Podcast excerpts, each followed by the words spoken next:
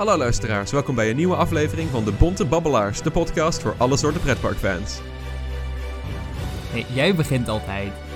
Ik begon toch ook? Nee, maar jij zegt altijd hoi Mark en dan zeg ik hoi Vincent. Ja, ik dacht ik wissel het een keertje af. Nou, ook leuk. Oh, hallo Vincent. Het is ook wel een beetje een complete bende geworden met of ik nou de intro wel of niet doe. Want vorige keer deed ik hem niet. En Ja, en nu doe je hem weer wel. Het viel mij ook op. Ja, maar precies. Ik had, eh, ik, dat is ook met de vorige afleveringen. Soms hebben ze dan een muziekje waar ik er doorheen praat, soms niet. Ik ben nog een beetje aan het zoeken naar wat de beste optie is. Dus ik denk dat ik het maar gewoon zo doe. Maar ik vind de intro eigenlijk te iconisch om niet te doen aan het begin. ja, ik, het, het, het voelt voor ons ook een beetje als, als een... Ik weet niet, het voelt gewoon echt als oké, nu zijn we begonnen. In plaats van gewoon... Hoi Mark. Ja, dan, heb- ik weet niet of we dan ineens een, überhaupt een hoi hadden of zo. Dus gewoon dan beginnen we ineens. Ja, precies. En dat, dat voelt gewoon een beetje onnatuurlijk. Je wil wel een soort opener hebben. Dus Ja, ik weet niet. Voor mij voelt dit beter, maar laten we het dan maar gewoon zo houden voortaan.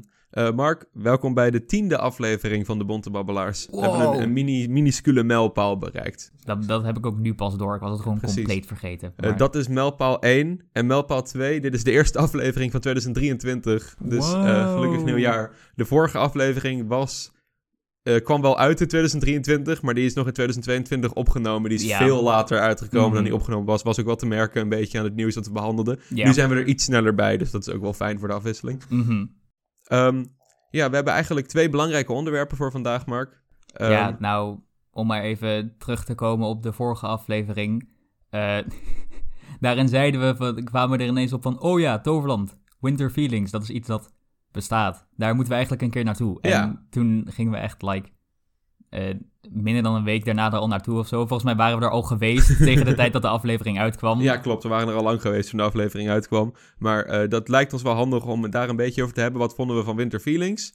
Eh, en dan twee, het grote nieuws van de laatste tijd. Nou, van echt een paar dagen geleden was dit volgens mij nieuws. De Vliegende Hollander gaat uiteindelijk aangepast worden na 16 jaar. Ehm, Ja, En daar waren wij allebei heel erg hyped over. Ja, dus we zijn voor allebei meteen achter de ook, microfoon eh, gaan zitten. zeker voor ons is dit ook wel groot nieuws, want Ja, precies. Ja, in tegenstelling tot, eh, volgens mij is, is, de consensus onder de Efteling-fans een beetje dat de Vliegende Hollander toch voornamelijk een heleboel gemiste potentie is. Klopt. En een beetje een mislukte attractie. Eh, ja, maar wij hebben daar een iets andere kijk op. Maar daar gaan we straks wel even Daar komen we inderdaad in. later op terug. wa- wanneer we het over de Vliegende Hollander gaan hebben. We beginnen eventjes heel kort met Winter Feelings. Ja, Ehm, ik weet niet of we het heel kort gaan doen. We gaan het gewoon een beetje, eh, een beetje hebben over wat we ervan vonden en onze ervaring. kijken waar we terechtkomen, inderdaad. Eh, hoe beviel het bij jou, Mark? Eh, nou, ik was erg positief. Jij ook volgens mij. Ik was erg positief verrast zelfs. Mhm. Ja, ik denk voor context is misschien ook wel een beetje grappig om aan de luisteraars te vertellen onder wat voor omstandigheden wij naar Toverland gingen. ja. Het was, oké, we hadden dus in de kerstvakantie gepland om naar de Efteling te gaan met wat andere vrienden van ons. Klopt. En eh, ja, ik weet, volgens mij hadden we dat ook gezegd in de vorige aflevering. Maar ja, in ieder geval, dat gingen we dus doen. Eh, volgens mij had jij origineel plannen om de dag daarna met eh, andere vrienden van jou naar de Efteling te gaan. Nooit genoeg Efteling Maar- voor mij. Nee, en... De, grappige...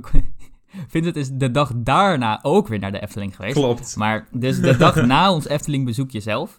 eh, zou jij eerst gaan? Die plannen waren toen gecanceld of zo. Ja, die zijn toen last minute afgelast. En- Eh, dus ik zei in de Efteling tegen Mark... In uh, theaterrestaurant Applaus. Of Ja, nee, dit was niet een applaus. toch? Ik weet niet meer waar het precies was. We zaten in een restaurant, geloof ik. En toen zei ik, hey Mark, zullen we morgen naar Toverland gaan? En toen was ik gewoon, oké. En toen gingen we de dag toen hebben we het gewoon gedaan. Eh, en we kunnen ook nog het, het, het, het, het debacle van ons avontuur vertellen. Oh nee, maar dat doen we straks pas aan het Klopt, einde. klopt, klopt. Maar, dat was ook het eh, einde van de dag. Nog een klein beetje van tevoren, want de dag van de Efteling hadden we ook nog een filmavond daarna. En toen gingen we slapen om like 4 uur s'nachts. Ja. En toen gingen we om like 7 uur s ochtends weer op om naar Toverland te gaan. Klopt. En toen ben ik dus de dag daarna ook weer naar de Efteling Ja, gegaan. ik Dus weet niet hoe je het doet. Maar Ik, heb het, ik weet ook niet hoe ik het voor elkaar heb gekregen. Ik heb eh, echt als een, als een doornroosje geslapen de dagen daarna.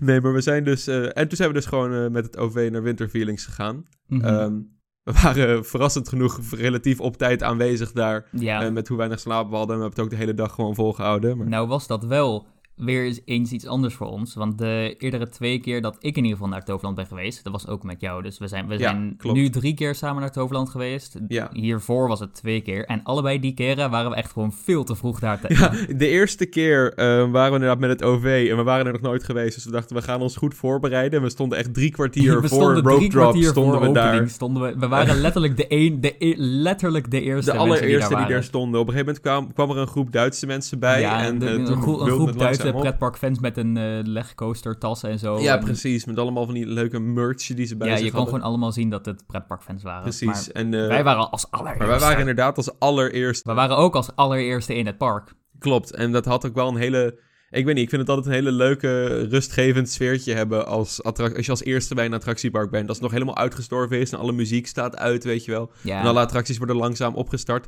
Heeft Mhm. ook weer wat. En dan word je plotseling gejumpscared door de muziek die ineens Ja. aangaat. Mhm. Ehm, en ja, de tweede keer was geloof ik omdat jouw vader ons ging brengen. En toen Ja, ehm, dachten we dat er een file zou zijn, maar die bleek er uiteindelijk toch niet te zijn. Eh, dus waren we ook ook weer vroeg, echt veel te vroeg. Dus het is nu onze traditie geworden om veel te vroeg bij Toverland te zijn, die we nu ja maar, wel af- verbroken maar hebben. dus- ja, afgelopen keer hebben we het niet gedaan. Maar we waren Nee. er alsnog... Volgens mij waren we er niet voor parkopening, maar we waren echt gewoon tien minuutjes later of zo. Ja, precies. Zoiets valt gewoon reuze mee. Eh, we wilden wel een beetje energie hebben voor... Ja, in- inmiddels zijn we ook op dat punt beland van, weet je, als je net echt pretparkfan aan het worden bent, oeh, allemaal nieuwe parken die je gaat bezoeken. Als je voor het eerst naar een park toe gaat, ben je toch veel meer, zeg maar, gemotiveerd om er vroeg te Klopt. zijn, om alles te doen. En nu zijn we er al like, zoveel keer geweest dat het is van, ja, natuurlijk is het leuk, maar ik, ik ga niet om, om half zeven mijn bed uit om naar Toverland te gaan. Nee, precies. Eh, zo gekkie zijn we dan ook weer niet. Het, is, het, het heeft altijd wel iets magisch om voor het eerst naar een nieuw park toe te gaan. En dan zo eh, op er naartoe gaan rijden met z'n allen. En dan eh, de, de hype die je dan hebt om al die nieuwe dingen uit te proberen. Ja, ik bedoel, we gingen nu dus tijdens de vakantie, maar ik moet ook wel zeggen, de, de ervaring van, de, van het OV naar Toverland zelf, dus met de, met de bus, is toch wel minder geworden sinds onze eerste keer, sinds het park Ja, zoveel is gegroeid. Klopt. Onze eerste busreis naar Toverland was gewoon een man die het echt niks interesseerde. Die nee, ons, was, was een ultieme chat buschauffeur. inderdaad, die ons eh, gewoon volgens mij gratis naar Toverland heeft gebracht in één keer zonder ergens te stoppen. ja, hij, hij, hij zat dus om like half acht in zijn bus of zo. Ja. En zag je daar wij waren de enige tieners, in die bus. De enige in die bus en hij was van, nee, je hoeft niet in te checken. Nee, precies. En toen heeft hij ons gewoon onmiddellijk naar Toverland gebracht. Beste buschauffeur. Buschauffeur, als je dit hoort. 10 Je bent- je 10 bent fantastisch. Dat is in tegenstelling tot de buschauffeurs eh, die wij bij onze terugreis op Winterfeelings hebben gehad. Maar dat, eh, Daar komen daar we komen we later, op terug. Ik vind het ook mooi dat we naar binnen liepen bij Toverland Winterfeelings. En toen we zeiden van, oh, we moeten de bandenbaan doen. En, En, toen de hele dag hebben we bandenbaan gezegd... gedaan. En de hele dag zeiden we tegen elkaar, oh, dat doen we later wel. Ja, Het is niet te druk, doen we later wel. We hebben de bandenbaan niet gedaan. nee. maar hij komt vast terug volgend jaar. Het leek me wel echt een succes, aangezien de rij die er de hele tijd stond. Ja, precies. Eh, Mhm. volgens mij was het echt 50 minuten wachten op de bandenbaan op een gegeven Mhm. moment. Daar had ik niet echt zin in. Mhm. Ja, nee, ik ook niet. Bandenbanen hebben ook niet de hoogste capaciteit, moet ik zeggen. Nee, maar ik denk wel ook meteen toen we binnenkwamen. Ik weet niet, van tevoren was ik niet per se sceptisch, maar ik was heel erg benieuwd naar hoe de sfeer zou zijn. Want Ja. voornamelijk dat entreegebied, Port Laguna. Port Laguna is een heel erg tropisch, ja, heel erg tropisch gebied. En nu hebben ze het volgepropt met kerstbomen Ja. en andere kerstdecoratie, nou, win- winterachtige decoratie. Dus ik vroeg me wel heel, heel erg af hoe dat zou zijn. Maar ik vond dat goed werken. Verrassend genoeg werkt het inderdaad. Mhm. Je zou denken dat het echt compleet tegenstrijdig is, maar het ziet er Mhm. nog... Het heeft echt wel wat en het, het ziet er nog best wel goed uit. Mhm. Ik moet zeggen, de, de winterattracties die er stonden hadden soms wel een beetje een praxisuitstraling met de constructie, maar Ja, aangezien het tijdelijke dingen zijn, kan ik dat makkelijk door de vingers zien. ja. Maar nee, het, het was echt verrassend mooi. Ehm, en Ik denk ook, ik, ik kan me er wel iets bij voorstellen dat Toverland, het is natuurlijk hun eerste editie van Winter Feelings. Waarschijnlijk willen ze ook nog een beetje aftasten wat voor succes het zou worden. precies. En dan is het een best wel ri- groot risico om in één keer super groot, super veel erin te investeren. ja, Voor het geval het geen succes wordt. Dus dan is het op zich wel begrijpelijk dat ze iets meer bouwmarktachtige uitstraling hebben op sommige vlakken. Al vond ik het over het algemeen het er echt heel goed hoog budget uitzien overal. Kwalitatief was het gewoon heel goed. Mhm, dat ja. gewoon niet de juiste thematische uitstraling, maar dat Mhm. verwacht ik er ook eigenlijk niet Mhm. van. Dus Al vraag ik me wel af wat voor succes het nou uiteindelijk is geworden. Want de hele dag Ja. dat wij er waren, was het best wel rustig. Ondanks dat het midden in de, in de kerstvakantie was. Het was Klopt. volgens mij de, de, de 7e, nee, de, de 28e.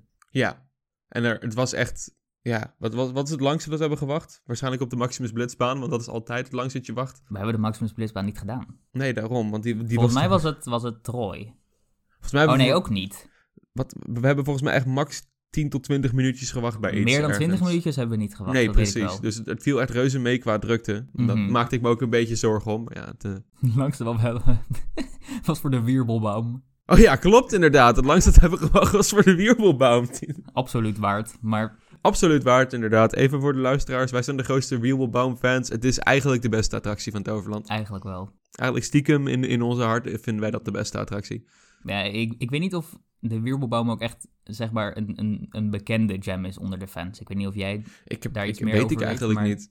Ja, wij... Ik weet niet hoe we erbij kwamen. Volgens mij was het eh, onder ons al langer een inside joke voordat we überhaupt naar Toverland waren gegaan. Ja, omdat die altijd omdat, omdat, omdat het toch een redelijk simpele attractie is, zou je denken. Maar dat ding Ja. had altijd een storing. Ja, En toen gingen we erin omdat we het grappig vonden. En toen kwamen we eruit en toen waren we echt gewoon volledig betoverd. betoverd door dat Om, ding. we waren helemaal om. Nee, het was... eh, het, Wirbelbaum is... kun je daadwerkelijk echt een hele heftige attractie maken... als je er een beetje moeite in steekt. Ja, dat is leuk. ik- nogmaals, wij weten dus niet of de Wirbelbaum onder de fans net zo'n cultstatus heeft als hij eh, bij ons heeft. Het maar- lijkt me lastig. Wat, het dus is, het is gewoon een soort toren met armen eraan waaraan bakjes hangen. En je gaat in zo'n bakje zitten en dan gaat het omhoog en dan gaat het de toren draaien. Maar je kan je bakje zelf ook draaien. Ja, Op dezelfde manier dat je bijvoorbeeld een, eh, een, een, een, bakje in een theekopjesattractie kan draaien. ja, met maar gewoon zo'n schijfje in Bij het midden. theekopjesattracties is het vaak, kost het best wel wat kracht om dat ding eenmaal draaiende te krijgen. Bij Ja. de wirbelbaum is dat veel minder. Inderdaad. Dus wij met z'n tweeën in dat ding konden dat ding echt gewoon flink laten ronddraaien. En het is Precies. hartstikke leuk. En dat, dat, dat, dat trekt echt ontzettend veel geest. Tot op een Mhm. punt waar je gewoon niet meer naar voren kan. Dat je Ja, het, het was oprecht wordt. best wel intens. Ja, ja je, je komt op een gegeven moment gewoon niet meer naar voren toe. Tenzij je echt heel veel kracht zet. Ja. Ik, weet ik, attractie, ik zou hem absoluut ding. aanraden ik weet ook niet wat voor. Ik weet eigenlijk ook heel weinig over die attractie. Ik weet niet in welk jaar die geopend is. Ik weet niet wie hem, ge- wat, voor, wat voor type Ja, het attractie. lijkt me echt een... het een- lijkt me iets van Hus. Ja, het of, lijkt me een eh, typische hus. Maar Ja, maar ik, ik, ik weet er eigenlijk vrij weinig over. Ik vind het. En ik, ik weet dat hij heel vaak kapot gaat. Maar in ieder geval, luisteraars, als jullie ooit een keer naar Toverland gaan en jullie hebben de Wirbelbaum nog nooit gedaan, weten niet wat het is en je zoekt een, een, een theekopjesattractie on steroids, ga in de Wirbelbaum. absoluut. Een echte aanbeveler van ons allebei. Mhm, ja. Ehm, dan als we verder gaan op winterfeelings. eh, het gebied van ehm, Expedition Zork zag er goed uit. En Mhm, dit was ook. Mark's eerste keer in de vernieuwde versie van Expedition Mhm, Zork. Ja, en meteen met alle kerstbomen erbij. Ja, precies. Vond je dat eh, een goede update? Ja, zeker. Ik bedoel, ik had natuurlijk al een onride gezien en ik wist wat ik ervan moest verwachten. Maar ik denk, hij is vele malen beter dan wat hij eerst was. Eerst De sfeer van het buitengebied is een grote verbetering. Mhm, ja, maar ik denk ook, nou, niet per se van het binnengebied, want daar heeft het niet echt veel invloed op. Nee, valt mee. Maar eerst voelde het meer gewoon als, eh, ja, dus die, die bomen die eigenlijk niet heel erg op bomen lijken en de rotswand met, met een random Zorks hoofd erin. ja, Eh, en dan gewoon in zo'n hal met verder eigenlijk helemaal niks. En nu is het toch wel iets meer een geïntegreerd verhaal. En ook, de, maar ja, de grootste verbetering zit natuurlijk aan de buitenkant. absoluut. Ik vind het wel een beetje... Je ziet wel heel duidelijk het verschil tussen de kwaliteit thematisering van Toverland in de jaren 2000 en nu. Ja, Als je zeg maar naar het buitengebied kijkt en dan de Mhm. rockwork bijvoorbeeld van het binnengebied. Dat is wel een gigantisch... Ja, eh, he- beetje een plastic uitstraling heeft het nu aan de binnenkant. Ja. Maar dat heeft wel zijn charme. de rockwork vind ik nog wel meevallen, maar de gekke boomplanten Ja, dingen, die gekke bomen in het water. Die zijn, eh, ja. En de, de nepkerstbomen met die tentjes en zo waar je Mhm, langs ja. vaart. Ja, het is... Zeker ook de wachtrij is absoluut niet top tier of zo, maar het is sowieso beter dan wat het eerst was. Precies. En ik bedoel, aangezien ze er niet echt veel marketingwaarde aan overhouden van, oh, we hebben de Expedition Zork vernieuwd, vind ik het toch eh, alsnog wel respectabel dat ze de moeite hebben genomen om geld te investeren om deze toch al bestaande attractie te verbeteren. Ja, precies. Want eh, de- je oude attracties up-to-date houden en verbeteren is minstens zo belangrijk als nieuwe attracties bouwen als je Mhm. relevant wil blijven. Ja, zeker dus voor een park als Toverland, want ook sinds de bouw van die attracties enorm in kwaliteit is toegenomen. En dan wil je toch wel een beetje alle oudere attracties ook een beetje meer opkrikken naar dat kwaliteitsniveau waar ze nu op zitten. Precies, want anders stel je gewoon mensen teleur. Mhm, Ja, ik moet wel zeggen, de, de Dark Ride scène tussen aanhalingstekens, die ze dan hebben toegevoegd aan het einde. Hij ziet er leuk uit. Ik vind het een beetje vaag waarom je ineens allemaal random Zork baby's ziet. En dat, Voelt een beetje als de kinderen van Shrek in de Ja, derde film de- of zo. dat- Ik Daar heb- lijkt het inderdaad heel erg op. Maar nee, ik bedoel, ik vind het wel knap hoe ze het verhaal simpel en duidelijk uitleggen door die filmpjes tijdens de rit ook. Alleen de Ja. laatste scène is een beetje random. Maar Ik, ik, het is een beetje onduidelijk van, eh, zijn ze nou verborgen of niet? En waar zijn we precies naartoe gegaan? ja, ik snap het ook niet helemaal. Maar Nee, aan de het- andere het, kant, verhaal is onduidelijk, maar Ja, esthetisch ik- is het een is het een inderdaad, ik denk ook niet dat het de gemiddelde dagjesbezoeker boeit wat die random zorgbaby's daar nou doen in hun Nee, bakjes. precies. Maar Die zijn gewoon, oh, die zien er schattig Mhm. uit. Dus in ieder geval, mooie toevoeging. Rest Eh, in peace, de gekke cupcake. eh, de, Nee, de heet Swampy, geloof ik. Volgens mij moet het een paddenstoel voorstellen. Maar Ja, jij, wel jij, had altijd de, de perfecte vergelijking dat hij lijkt op... eh, Hij lijkt op de kwal ja, uit op- de kwal uit Drievliet. hij lijkt echt inderdaad. sprekend op de kwal uit Drievliet. Echt Mhm. dezelfde artstyle ook gewoon. Ja, ik weet niet. Ik vind het jammer dat hij weg is. Ik weet niet of daar Swampy. afgekeken is of zo, maar eh, dat, dat, dat viel mij altijd heel erg op. Mhm. Eh, maar ja, om weer even terug te komen op Winter. Ja, we waren ja. weer een beetje afgedwaald. Maar eh, we kwamen dus binnen in, in well, Port Laguna, surprise. Maar Wow. wow, wow die had ik niet aanzien komen. Daarna gingen we door naar Avalon. Wow, surprise. Zag ik ook niet aankomen. Maar eh, natuurlijk ritjes Phoenix en eh, Merlin's Quest ook meteen gedaan. En als we het over die route hebben, de laan van Port Laguna naar Avalon is als een van de mooiste verlicht tijdens Winter Mhm, Feelings. Ja, heel veel lichtjes. Heel vet en ook hele goede soundtrack daar zo. Mhm, Ja. Ik vind het ook inderdaad leuk dat ze nu van veel dingen een, een aangepaste kerstsoundtrack hadden. Ja, ik ook. En je kan die laan van Avalon blijf ik heel leuk vinden, want je er heel duidelijk de porter kan zien naar nieuwe uitbreidingsmogelijkheden en Mhm, gebieden. Ja. Het is heel duidelijk dat je nu bij Port Laguna alleen naar rechts kan, maar dat je daar binnenkort ook naar links gaat kunnen. Mhm, Ja. Maar Avalon zag er verder gewoon heel goed uit. Heel Ja. leuk entertainment van Merlijn die verhalen vertelt. Mhm, Ik, weet, ja, ik heb dat nog heel niet leuk. eerder Ik denk gezien. Maar Zeker voor de, voor de kleinere kindjes is dat hartstikke leuk. Volgens mij was het iets met een, een, een, een wensboom of zo. Ja, Ik weet niet, dat, dat is wat ik ervan meekreeg toen we er langs liepen. ja we hebben er niet echt maar- actief naar gekeken. We liepen er gewoon een beetje langs. Maar het is leuk voor de kinderen om wat te doen in Avalon. En Mhm. binnenkort is er nog meer voor de kinderen in Avalon te doen. Maar dat is een, eh, Ja, een discussie die al in twee afleveringen gevoerd is. Mhm, ja, ik moet wel, we kunnen heel even kort benoemen. Volgens mij zijn er inmiddels een paar meer dingetjes Klopt, bekend geworden. de- zoals het, in, het interactieve klokelement van Klopt. het eh, station van Garden Tour. Die vind ik er Weet leuk je, uitzien. Ja, leuk, prima. Weet je, al deze interactieve dingetjes zijn dingen die ze niet hadden hoeven doen. Dus dan is alles wat er is, Dat is mooi mooi meegenomen. meegenomen. Ja. De, daar komt volgens mij een of andere moerasdraak ergens bij Merlin's Quest... die je op meerdere plekjes kan gaan zien Ja. tijdens het rondvaartstukje buiten. Dat kan hij wel gebruiken, want het rondvaartstukje buiten is nu eigenlijk gewoon niks te doen. Behalve naar Avalon kijken, wat natuurlijk ook prachtig is. Mooie off-ride beelden van Phoenix bemachtigen. Ja, maar ik, ik weet dus niet of de, of de gemiddelde bezoeker dat een eh, goed heel genoeg tijdsbesteding vindt. Nee, precies. Nee, ik vind wel een beetje raar wat ze met Merlin's Quest zijn verhaal gaan doen. Want nu wordt Merlin's Quest ook een soort bevoorradingsschip voor de Flaming Feather. Maar ik dacht dat altijd had ik dat niet het- meegekregen. Ja, dat hadden ze gezegd. Maar ik, en dan gaan ze ook van die katollen toevoegen om dan zogenaamd de voorraden uit de boten te halen. Maar ik was altijd onder de indruk dat het een reis naar de bron van de eeuwige jeugd was. Dat is toch ook wat het moet voorstellen. Ja, daarom. Maar- Dus nu, is, en nu heeft Merlin's Quest twee verhalen tegelijk. Ja, maar ik weet niet. Er, was sowieso te voorspellen dat dingen in Avalon met de continuïteit helemaal verkeerd zouden lopen. Ja, nu ze het verhaal ineens midden, eh, midden in de ontwikkeling hebben aangepast. Maar dat zien we wel als het echt Laat wel duidelijk zien dat dit niet het plan vanaf het begin was. Ze, Mhm. proberen, wel duidelijk, ze proberen wel de indruk te geven dat het zo is. Door te zeggen, je, je zag al de, de, de, het proviant op de boten liggen vanaf dag één. En nu gaat dat ook een doel krijgen. Ja, dat was het. Ja. Ja. ik denk dat we er inderdaad vrij zeker van zijn dat het niet de bedoeling was. Maar nee, je, precies.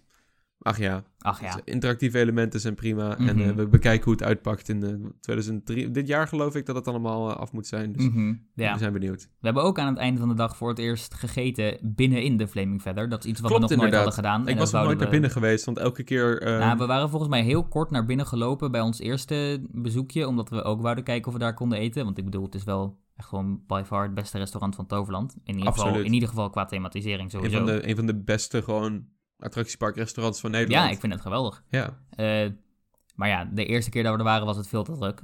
Eh, maar dus nu waren we Oh, de expres echt keer. veel te vroeg gaan eten om dat voor elkaar te krijgen. de derde keer werd ik tegengehouden door een bedrijfsuitje of zo, die daar een etentje hadden. Nee. Stond ik daar bij de, bij, de, ru- bij de ruiten te kijken als, als Shaki, uit Shaki in de chocoladefabriek bij de snoepwinkel. Mhm. En- Maar ja, de Flaming Feather, prachtig restaurant.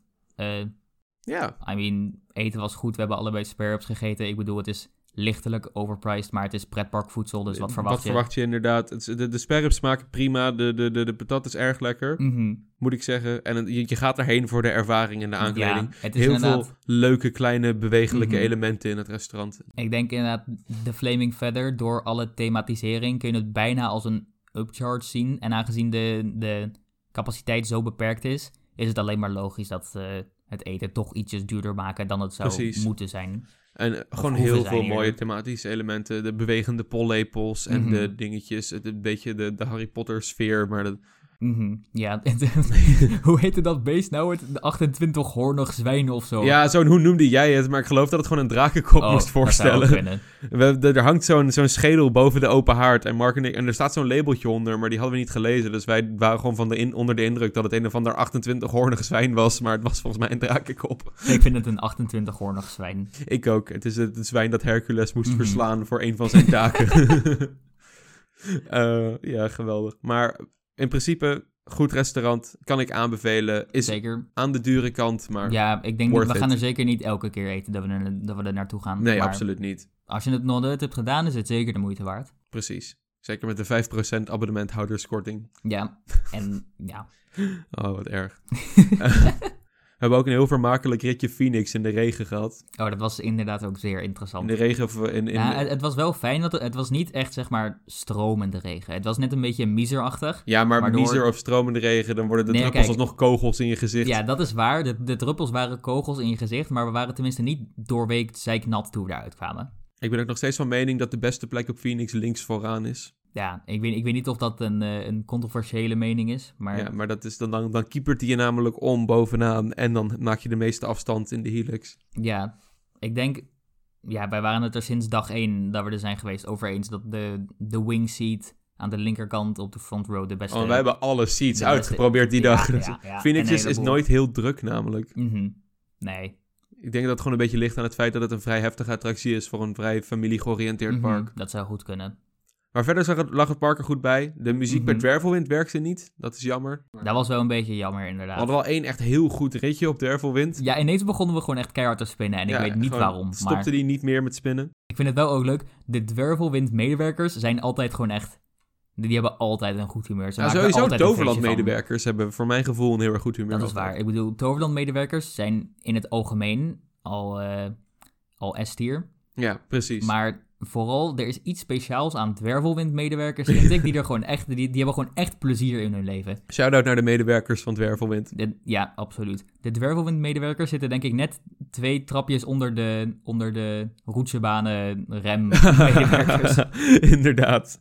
Die- Ehm, maar ja, het park is vooral gewoon heel mooi verlicht Mhm, tijdens Winter ja. Feelings. Het is, eh, dat geeft een hele mooie sfeer. Zeker in het donker was het echt heel mooi. Mhm, echt prachtig. Standouts waren Port Laguna in het donker, eh, Mhm. de laan naar Avalon in het donker Ja. en ehm, Ik eh, het Troy ITK in in het het donker, ja. Ik denk ook de manier waarop Troy was verlicht was ook heel mooi. Ja, precies. En ook al die kerstbomen daar overal was echt prachtig. De verlichting bij Troy was wat meer subtiel. Je hebt soort van twee manieren van een pretpark verlichten. Je hebt een beetje de subtiele themaverlichting en je hebt alles vol proppen met lampjes. En ja, zeg maar, bedoel je dan inderdaad eh, met subtiele themaverlichting meer, wat ook in een heleboel parken wordt toegepast, dat Klopt. ze gewoon met, met, met eh, sterke grote lampen van onder dingen in een bepaalde kleur Ja, belichten. En dan, precies. ja, Dus dus je, kan, kunt- je kan of het gebouw zelf licht laten geven, of Ja. je kan licht op het Mhm. gebouw schijnen. Ja, en in de meeste gevallen, in de normale situaties, wordt het eh, de belichting gebruikt. Dus dat je licht op de gebouwen schijnt.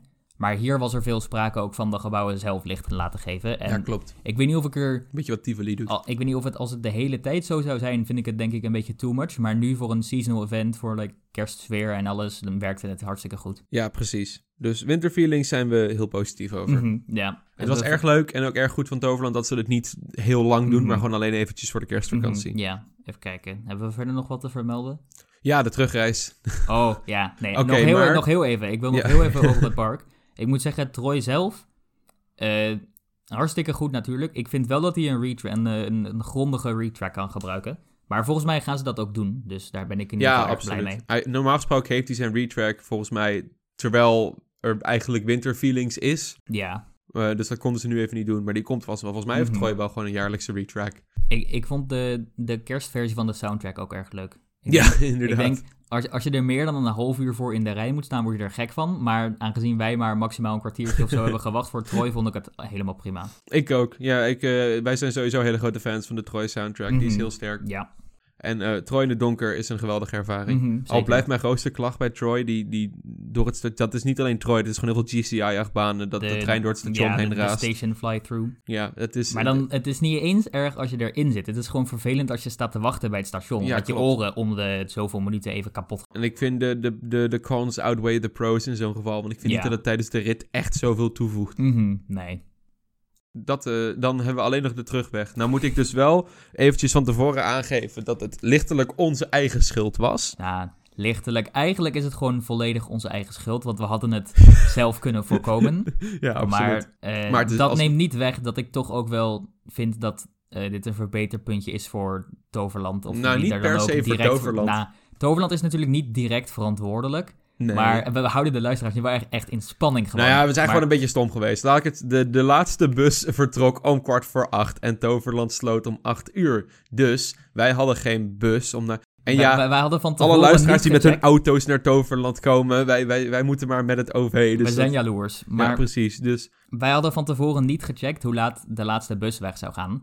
Want ik denk ook een beetje een luxe probleem vanuit veel Efteling-bezoekjes gezien. Ja. In de Efteling gaan er echt nog gewoon bussen, afhankelijk van hoe laat het park sluit, natuurlijk echt uren nadat het park al is gesloten. ja, absoluut. Eh, maar ja, we hadden dus van tevoren niet gecheckt hoe laat de laatste bus zou gaan.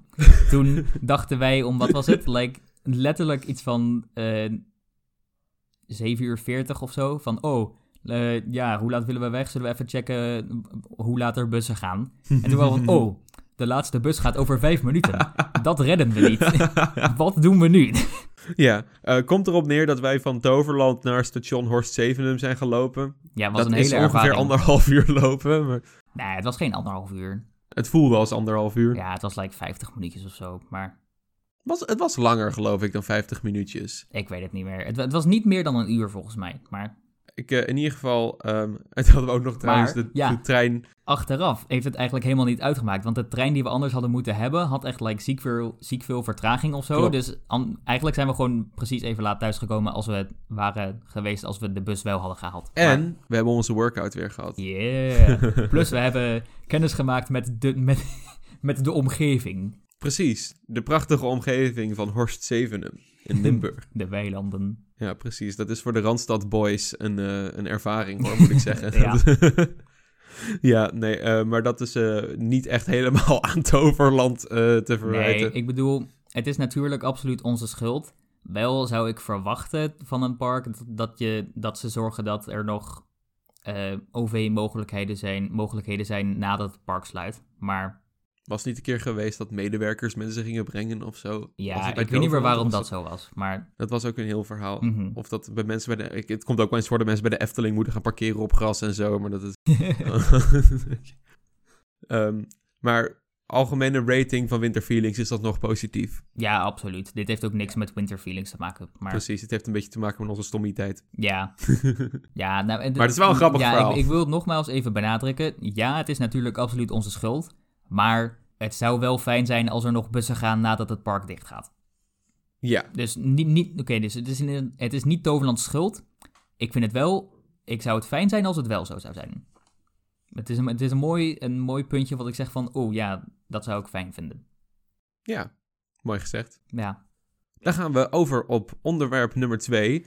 En een onderwerp waar heel erg veel hype voor is. Ehm, volgens mij was het gisteren of eergisteren dat eh, de Efteling bekend maakte dat de Vliegende Hollander na 16 jaar eindelijk eh, een grote opknapbeurt gaat krijgen. Mhm. Ehm, ik weet nog wel dat, eh, kijk, de Vliegende Hollander krijgt natuurlijk elke winter een standaard opknapbeurt, omdat hij gewoon niet werkt. en omdat hij gewoon niet werkt. ik, sorry Efteling, ik kan het niet heel erg sugarcoaten voor jullie. Ehm, het, is, het, het komt erop neer dat de Vliegende Hollander eh, al gedoemd was op het moment dat de Efteling-directie een handtekening onder het Koenbak-contract zette. Ja, Eh, en nu moet de, onder, moest de Vliegende Hollander elk, ehm, elk jaar een grondige opknapbeurt krijgen in de winter. Zoals veel Efteling-fans weten was het oorspronkelijk de bedoeling dat de Vliegende Hollander een veel spectaculairdere Dark Ride-sectie zou krijgen dan die uiteindelijk heeft gekregen. Eh, de Vliegende Hollander is momenteel een soort eh, prachtig met een heel teleurstellende.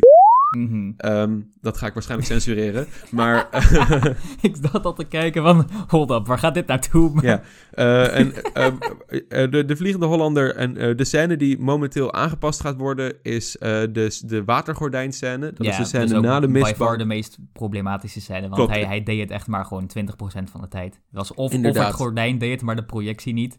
Of het gordijn deed het gewoon überhaupt niet. Ja, precies. Ja, Af en toe had je nog wel de spectaculaire gordijn, deed het niet, projectie wel, omdat er gewoon een soort lamp in je gezicht scheen.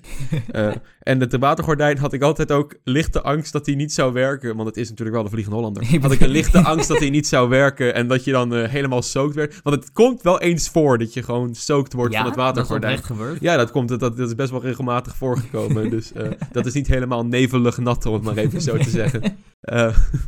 Maar ehm, het, het leuke nieuws is dat die scène geüpdate gaat worden met als tot een, een volwaardige Dark Ride scène. Mhm. Waardoor een ruïne van scheepswrakken vaart met de befaamde boegbeelden die nooit toegevoegd zijn aan de lifthill zoals de er bedoeling dus was. toch. Dus de boegbeelden Oeh. komen toch wel in aangepaste vorm, maar ze komen alsnog. Ja, ik denk dat heel veel fans daar toch wel heel blij mee zijn. Aangezien het, het, het was ook altijd zo'n doorn in het oog van de boegbeelden zijn letterlijk geproduceerd. Ze zijn Ja. ergens fysiek in een opslagplaats ergens liggen ze, maar ze zijn er niet.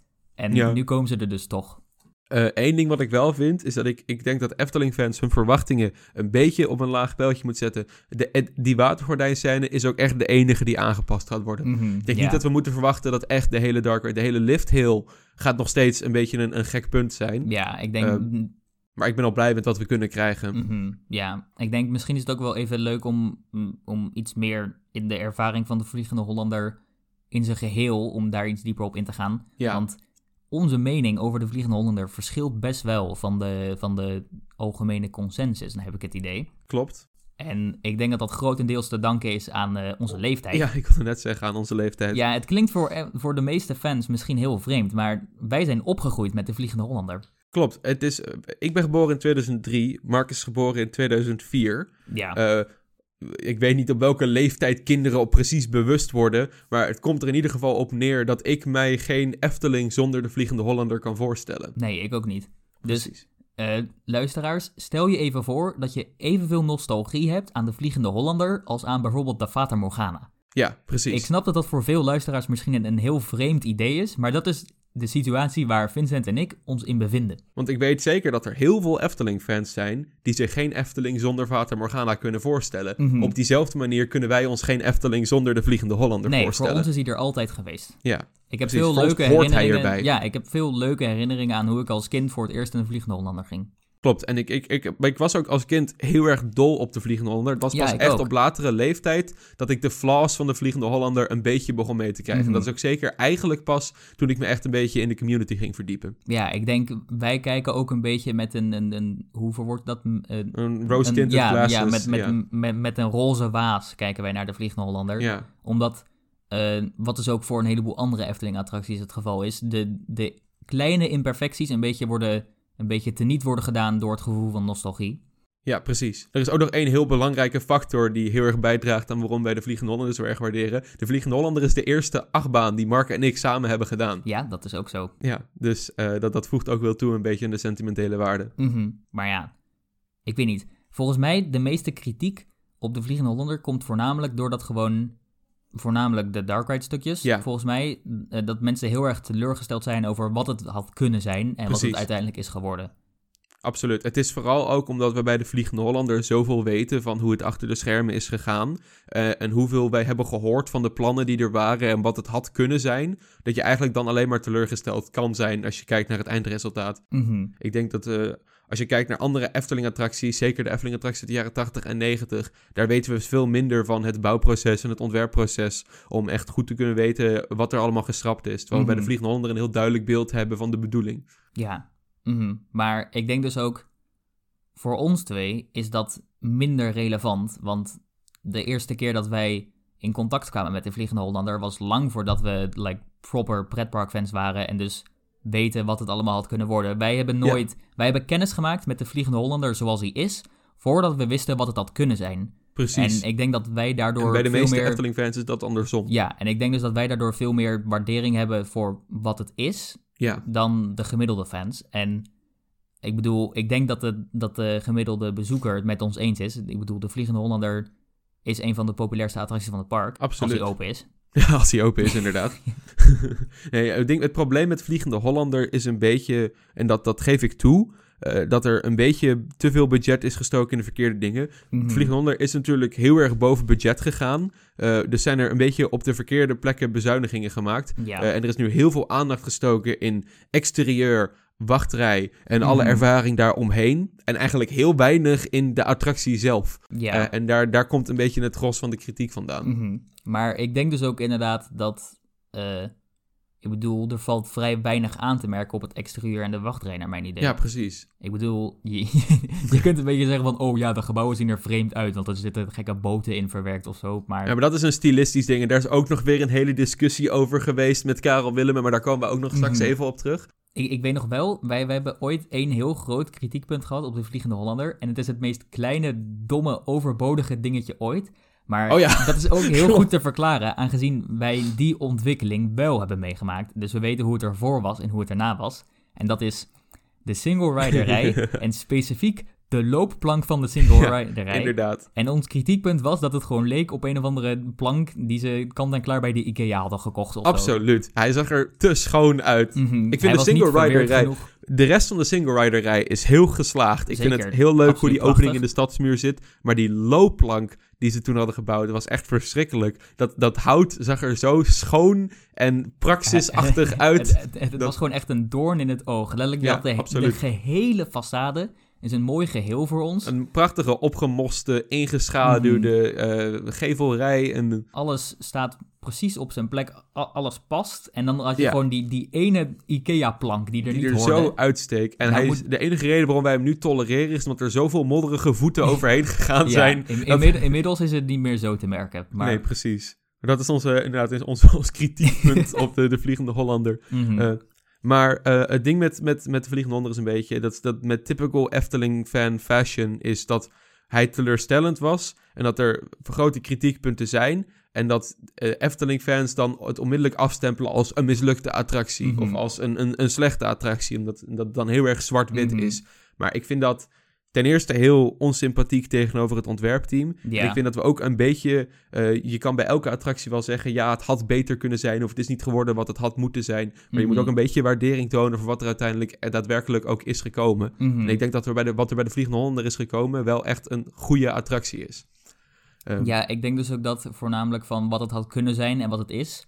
Die discussie heb je natuurlijk ook heel erg bij Joris en de Draak. Ja, Daar zijn we het, het er eh, allebei wel echt absoluut mee eens. ja, klopt. Eh, maar ik denk dat bij de Vliegende Hollander dat niet helemaal opgaat. Nee. En ik, ik, ik, ik, ik geef toe. Kijk, heel veel mensen die zeggen ook dat Vliegende Hollander nu. Het idee van de Vliegende Hollander, de gimmick was een beetje. We doen een dark ride en een achtbaan en een, een walkthrough, zeg maar. De- En, eh, daarvan is eigenlijk maar eentje. achtbaan slash bootvaart. Ja, maar daarvan is het, eh, en, en is het idee dat, dat in plaats van één van de drie goed doen, doen ze nu alle drie net niet, waardoor het een beetje een matige attractie is. Hey, hey, hey, ik vind dat ze de walkthrough absoluut geneeld ik wilde hebben, inderdaad maar- net zeggen, de walkthrough hebben ze heel erg goed gedaan. nee, ik, ik, ik, om maar ik moet even- zeggen, Holland, de, de, laten we eventjes een, een kleine gewoon eh, even appreciation doen voor de wachtrij van de Holland. Maar die de is wachtrij echt... van de Hollander heel is, goed. is echt een meesterwerk. Om Ja. een wijs man te quoten uit, jouw eh, uit jouw jeugd. Edgar van de, van de YouTube-serie Efteling Craft.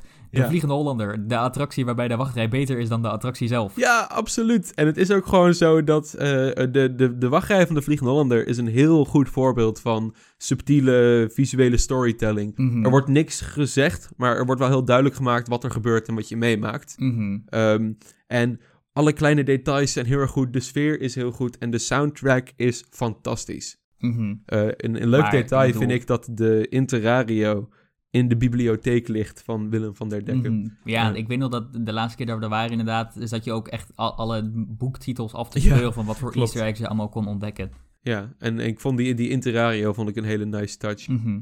Ehm, Maar even, om even een, een, een hele korte side note... filosofische discussie te hebben... ja, Het is dus een, een, een, een walkthrough, een dark ride en een, en een achtbaan in één. Ja. Maar wat maakt nou per se het verschil tussen het dark ride stukje en het walkthrough stukje? Bij de een zit je in de boot en bij de ander loop je.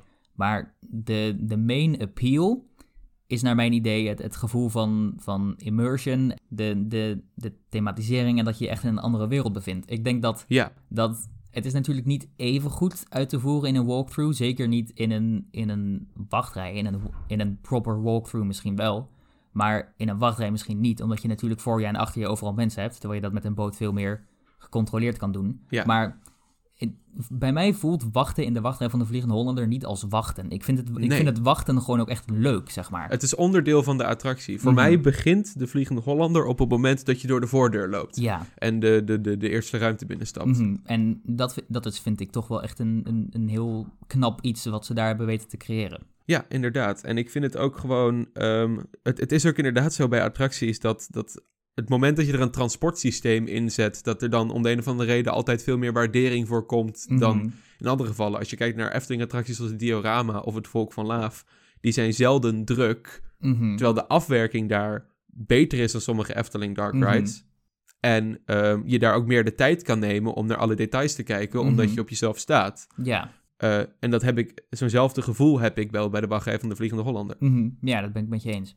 Ja, en inderdaad het gevoel van immersion en het gevoel van sfeer en een beetje de, de onheilspellende eh, wereld die daar gecreëerd Mhm. wordt, die, die komt heel erg goed op de bezoeker over. Ik denk dat ze dat heel goed hebben uitgevoerd. Klopt, het, het is een hele prettige, mysterieuze, net niet creepy attractie die ze daar hebben gebouwd. Mhm. Eh, maar ja. Ja. dan kom je dus inderdaad bij het Dark Ride stukje. Ja, ik wou net zeggen, dus dan heb je inderdaad het, het exterieur, de wachtrij, het station. Dat is allemaal, allemaal vind ik, nou, perfect is een groot woord, maar ik vind het echt zeer geslaagd. Ja, En dan, eh, de kritiek begint vaak bij het Dark Ride stukje. Nou hebben wij daar ook wel meerdere kritiekpunten op, maar nou, maar nou moet ik toch wel zeggen dat ik eigenlijk het Dark Ride stukje eh, niet eens zo heel slecht vind. nee, dat vind ik ook niet.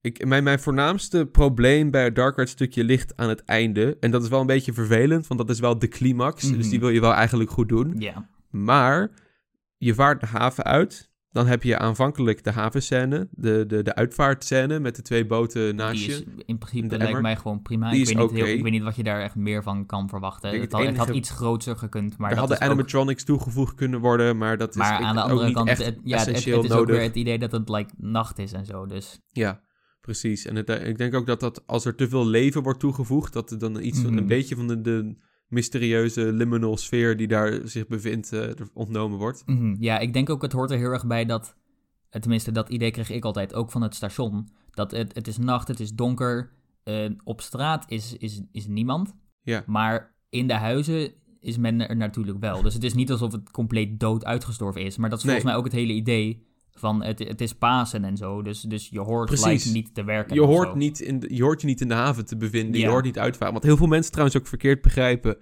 Jij bent niet de Vliegende Hollander in de Vliegende Hollander. Je bent een, een willekeurige sloep die een, een- die, die een aanvaring met de Vliegende Hollander meemaakt.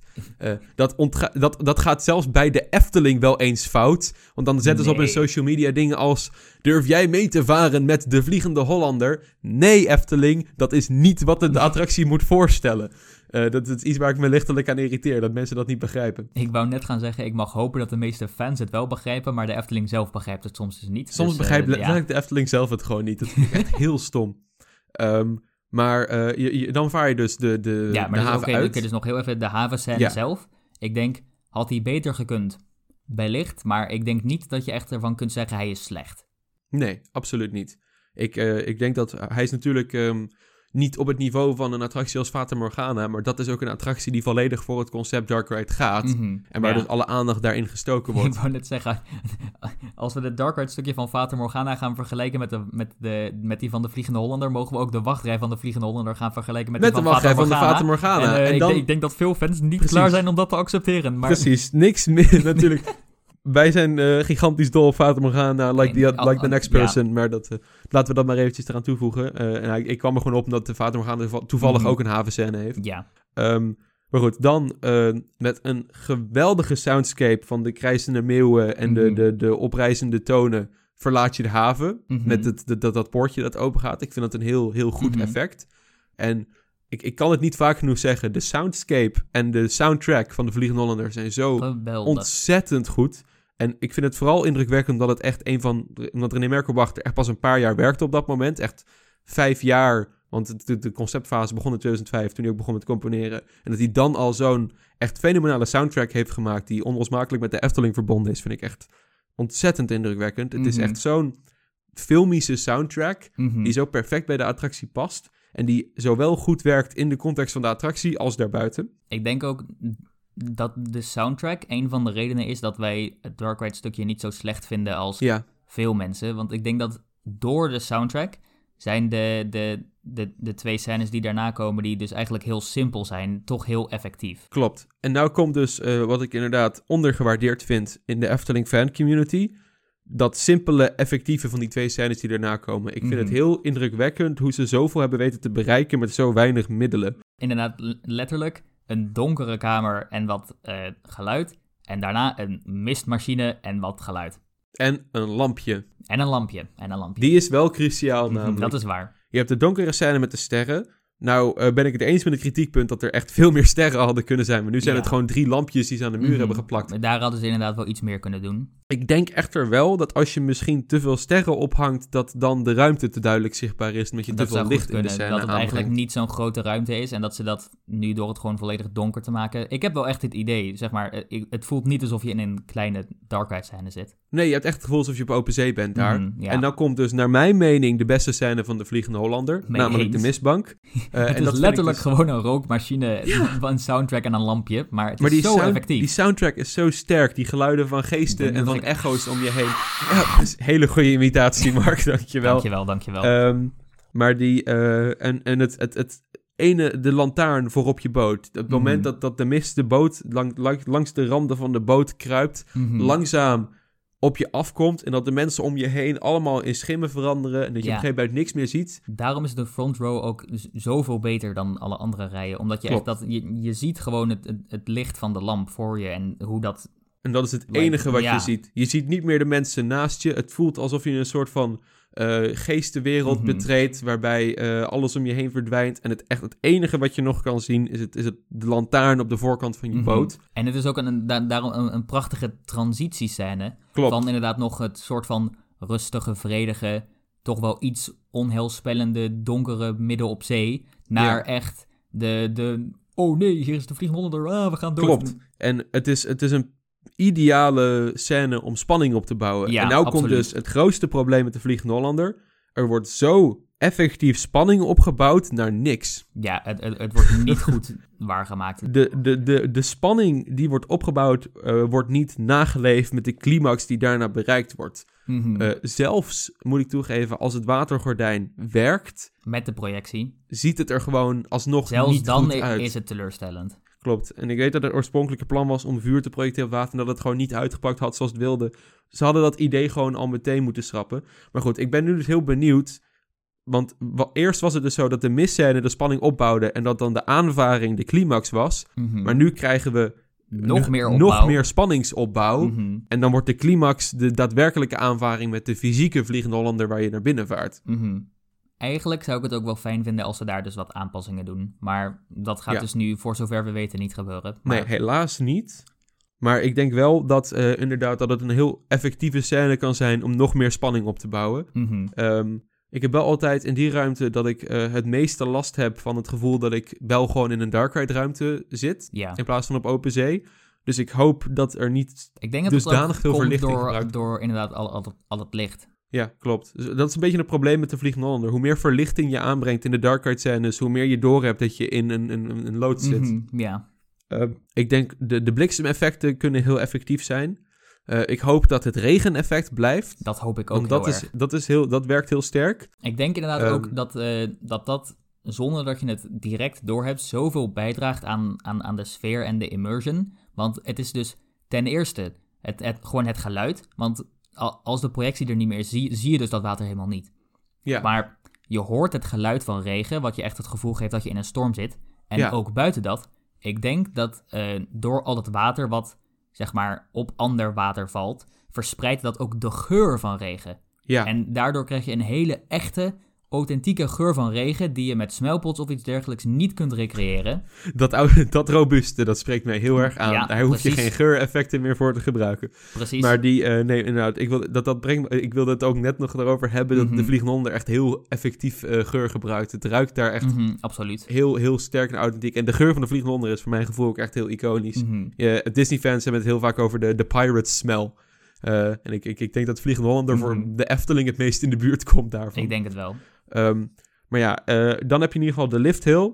Dat is ook het pijnpunt natuurlijk Ja. van de attractie op een technisch gebied.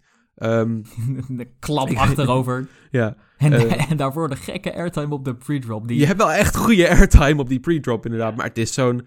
Het is, dat is ook echt het, het, het, het, het, het meest jammere en rare stukje van de Vliegende Hollander. Namelijk, je, je, je, hebt de, je, je vaart dat schip in, je hebt de pre-drop, je hebt voor je een soort plastic bord met een soort slecht, slechte blacklight tekeningetjes erop. dan, heb je de, dan, dan val je naar beneden, naar boven toe. Dan heb je twee sproeiers, een heel mooi relief, waar dan een heel cheesy blacklight schedeltje op verlicht wordt. ja, Wel de hele mooie voice acting van Henny Knoet als Willem van der Dekken. geweldig. Eh, rest in peace, Henny Knoet. Hele mooie, Mhm. heel, heel, heel goed. Die, die lach is echt heel effectief. Ehm, als de sound effects werken. Maar ehm, ik denk dat die scène heel erg zou eh, benefitten van projection mapping op dat relief. Mhm. Ik denk gelijk aan Park Asterix, aan de Pegasus Express. die Ah, scène de- waar je Medusa's de tempel Medusa. in komt. Die is inderdaad heel goed uitgevoerd. Ik denk als ze iets als dat zouden doen. Ik denk ook een beetje aan eh, dus op grotere schaal Ja. Indiana Jones Adventure in Disneyland met The Temple of the Forbidden Eye.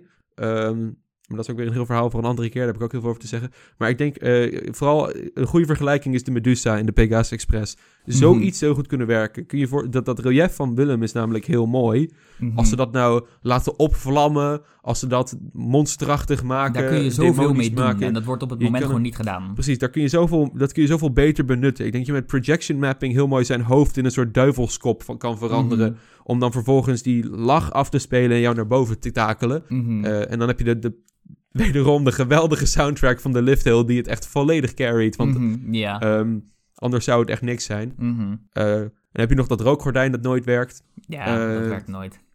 En eh, heel, heel fris ruikt. En dan heb je zeg maar het achtbaanstukje. Ehm dus ik denk dat we nou wel een beetje goed beschreven Mhm. hebben wat wij van het Dark Ride stuk vinden en waar het verbeterd zou kunnen worden. Nou, ja, dus om het nog even samen te vatten. De eerste paar scènes zijn we zeer tevreden over. Ja, We zijn, maar er zijn wel degelijk verbeteringen mogelijk in voornamelijk de laatste scène en de lift hill. En ik bedoel, ja, er zou in principe iets van thematisering of meer logische thematisering toegevoegd kunnen worden aan de rit daarna. Maar aan de andere kant, hoe realistisch om het, is het om dat echt te gaan doen? Het, niet heel erg, lijkt Nee. me. Het is ook gewoon, je, je kunt wel een, een episch schip of zo eh, daar gaan bouwen. eh, in op de, het meer. ja, nou, niet per se op het meer. Maar ik bedoel meer bij het achtbaanstukje van... Bij, bij de horseshoe roll... eh, horseshoe roll, het is geen horseshoe. Horseshoe roll. het is geen horseshoe roll. Maar De eh, horseshoe. Ja, bij de horseshoe...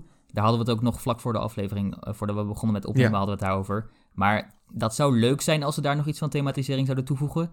Maar aan de andere kant, het is het waarschijnlijk niet waard. Want Nee, je bent er toch in vijf seconden ben je er weer voorbij. ja. Dus in een ideale wereld met unlimited budget...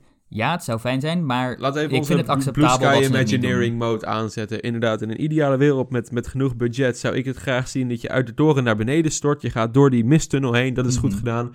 Dan dat het duinlandschap een soort opgedroogd scheepskerkhof is, Mhm. waar je door een aantal wrakstukken heen gaat.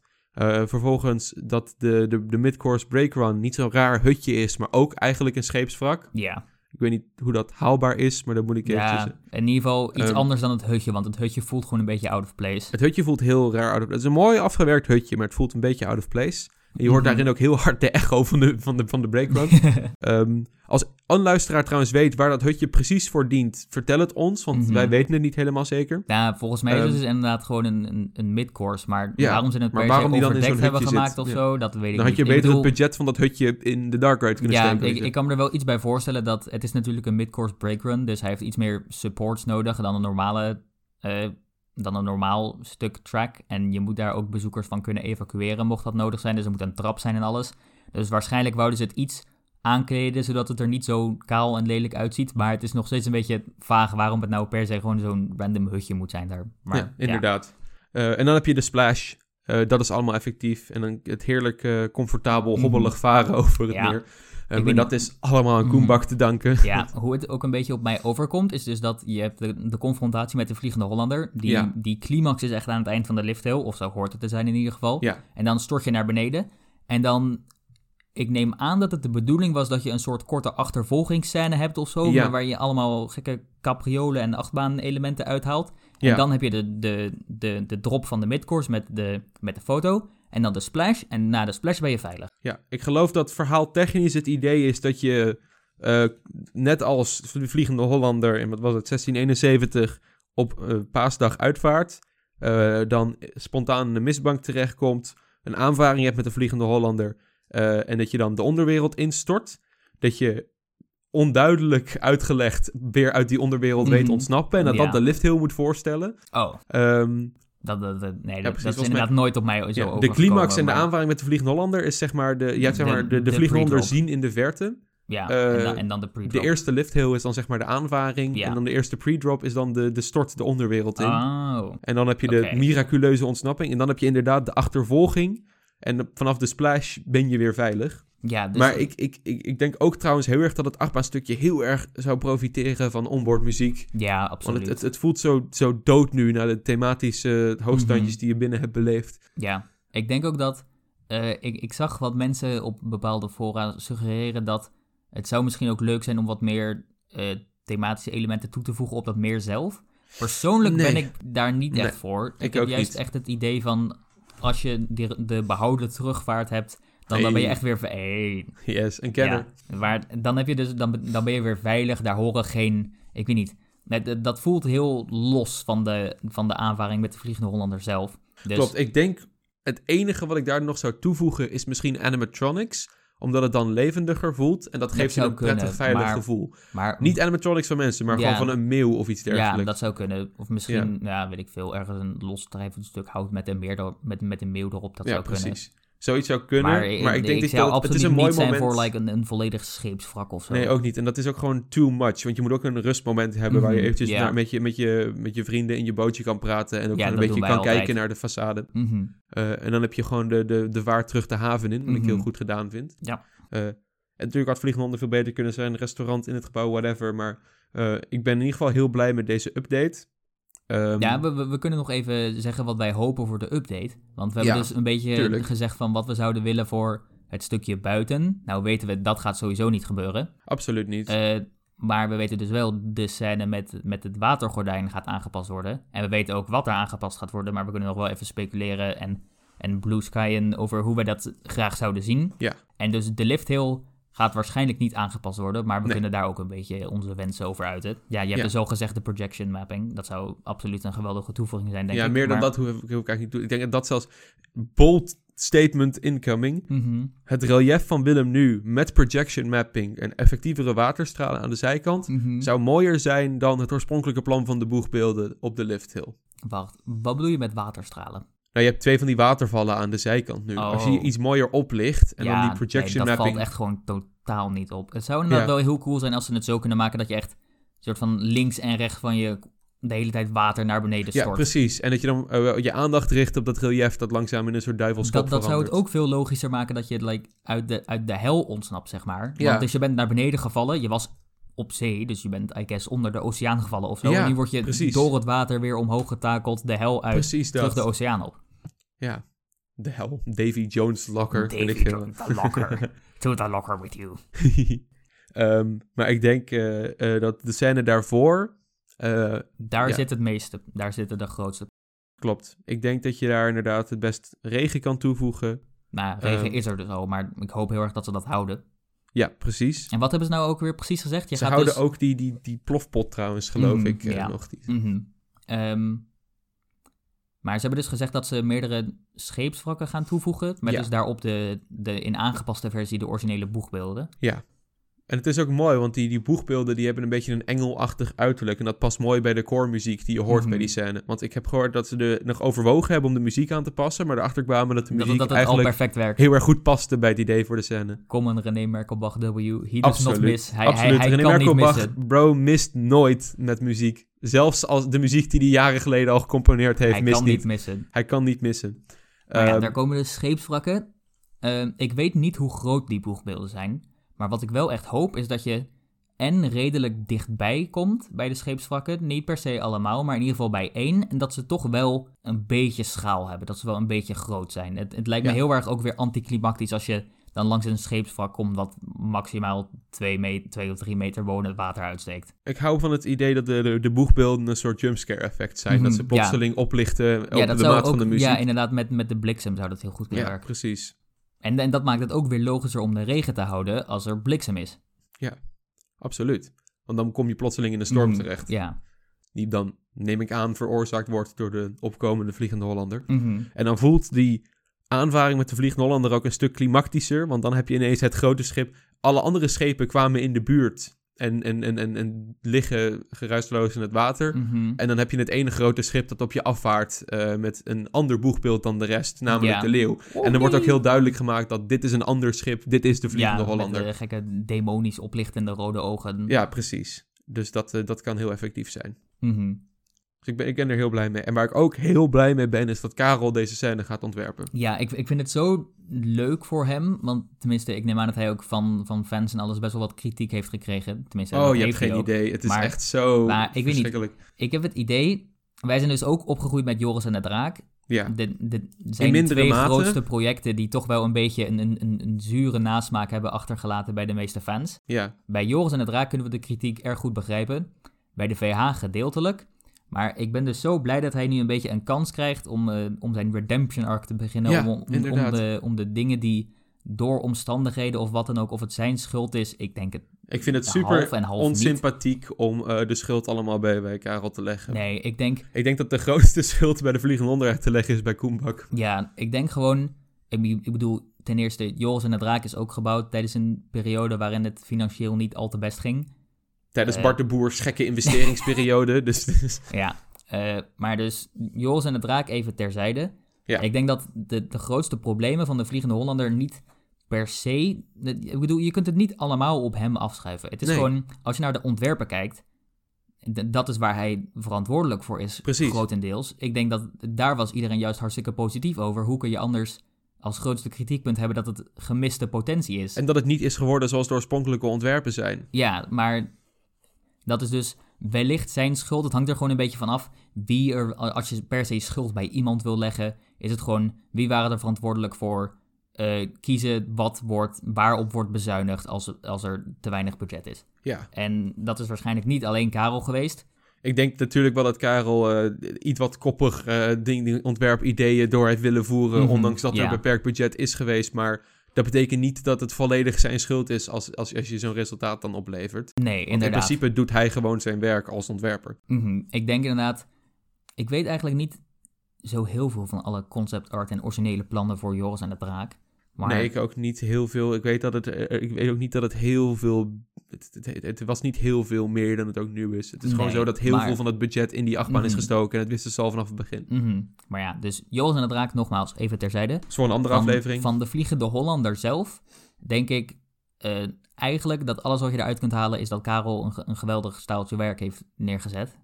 Want als, Ja. ik, als alles zo was uitgevoerd zoals hij had gewild, als er genoeg budget was geweest, was het echt een wereldklasse attractie geworden. Klopt.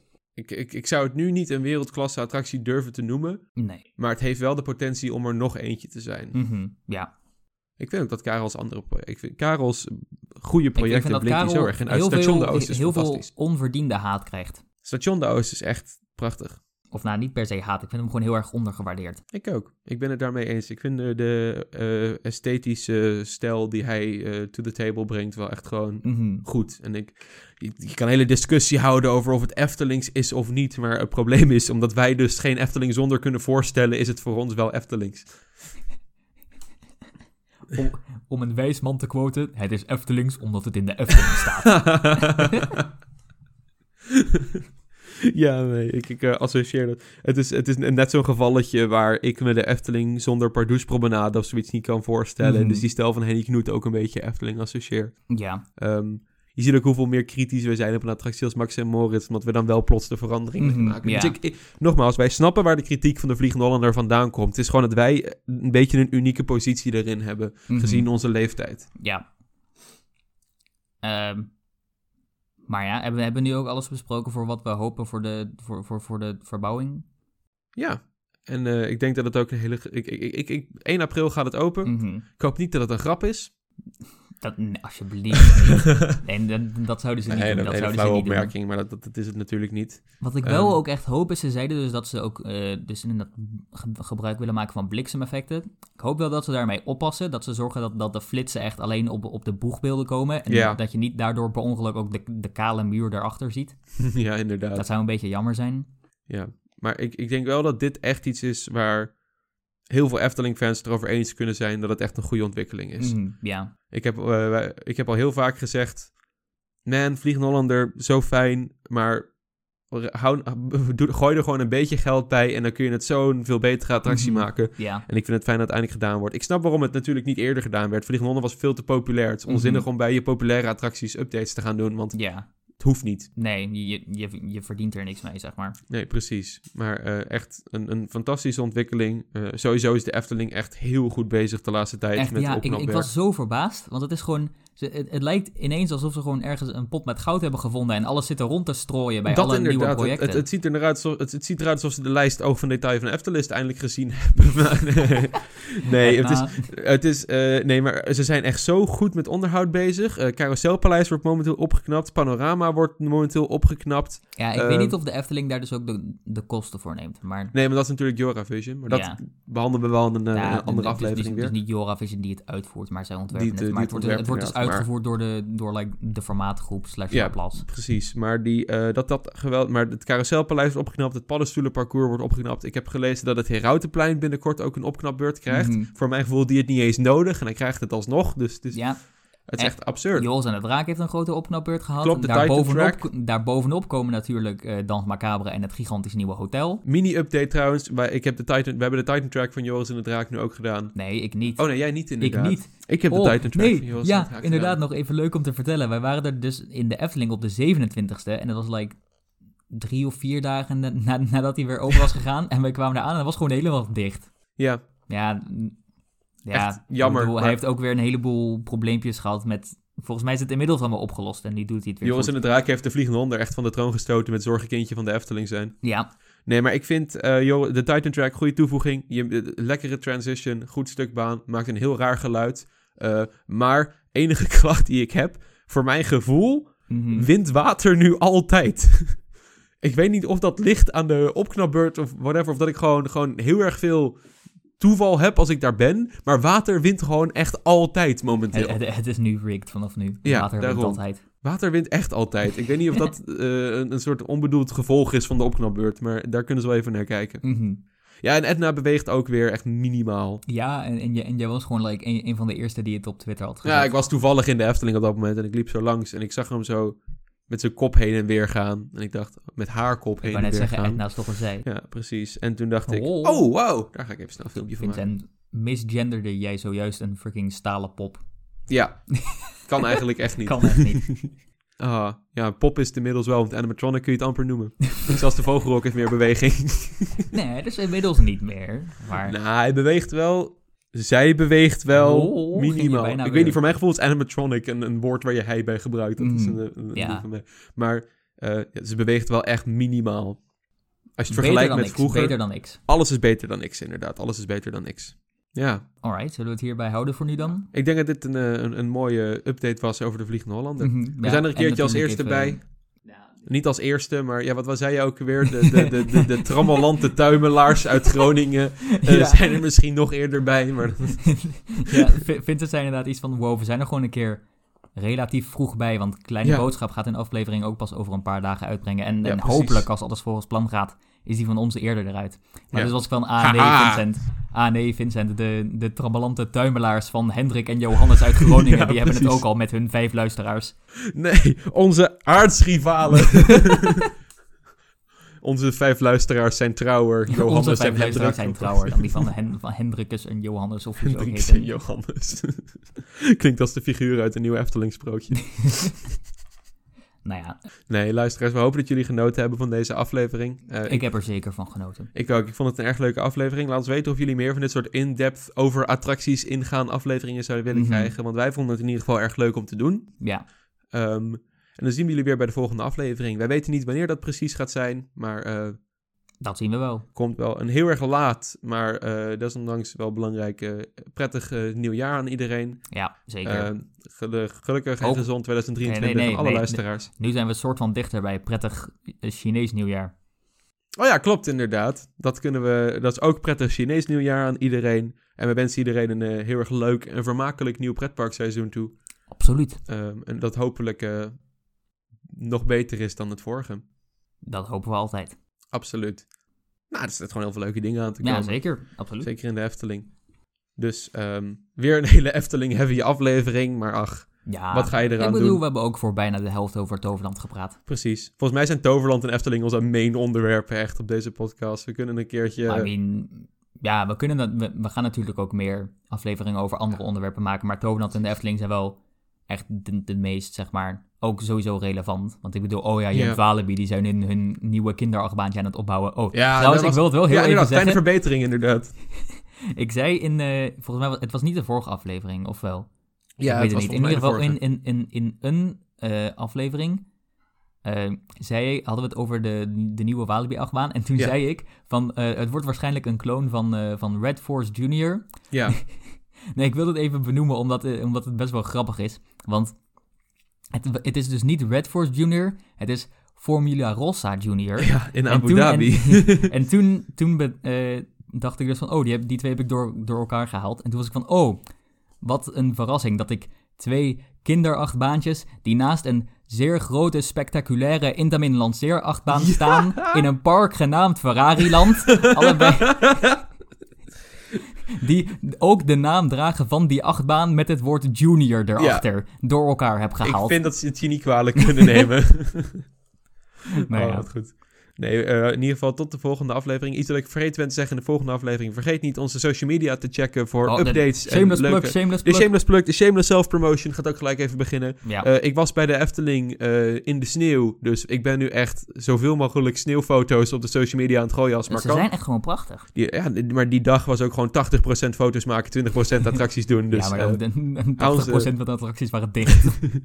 ja, inderdaad. Hou onze social media in de gaten voor updates, foto's en eh, andere leuke takes en dingen van ons. eh, en dan... eh, of, of updates over nieuwe afleveringen. En voel je vrij om ons iets te sturen. We zijn te bereiken op Twitter via @bbabbelaars, op Instagram via @debontebabbelaars. En jullie kunnen een mail sturen naar debontebabbelaars@gmail.com. Eh mochten jullie vragen of opmerkingen hebben, die zijn altijd welkom. Zeker. We lezen het graag en Mhm. behandelen het wel eens in de aflevering, mochten jullie een vraag hebben. ja. Ehm, dus eh, ik hoop dat jullie ervan genoten hebben. Voor de derde keer zeg ik dat geloof ik nu al. ja, I mean, we hopen het gewoon heel erg. Ja, precies. En hou de socials in de gaten. Dit was aflevering 10. Wow. Minimaal stone hoor. Op naar de 300. En dan, eh, I mean, we zijn nu 19. We gaan hier nog steeds zitten als we 79 zijn. in dezelfde studio.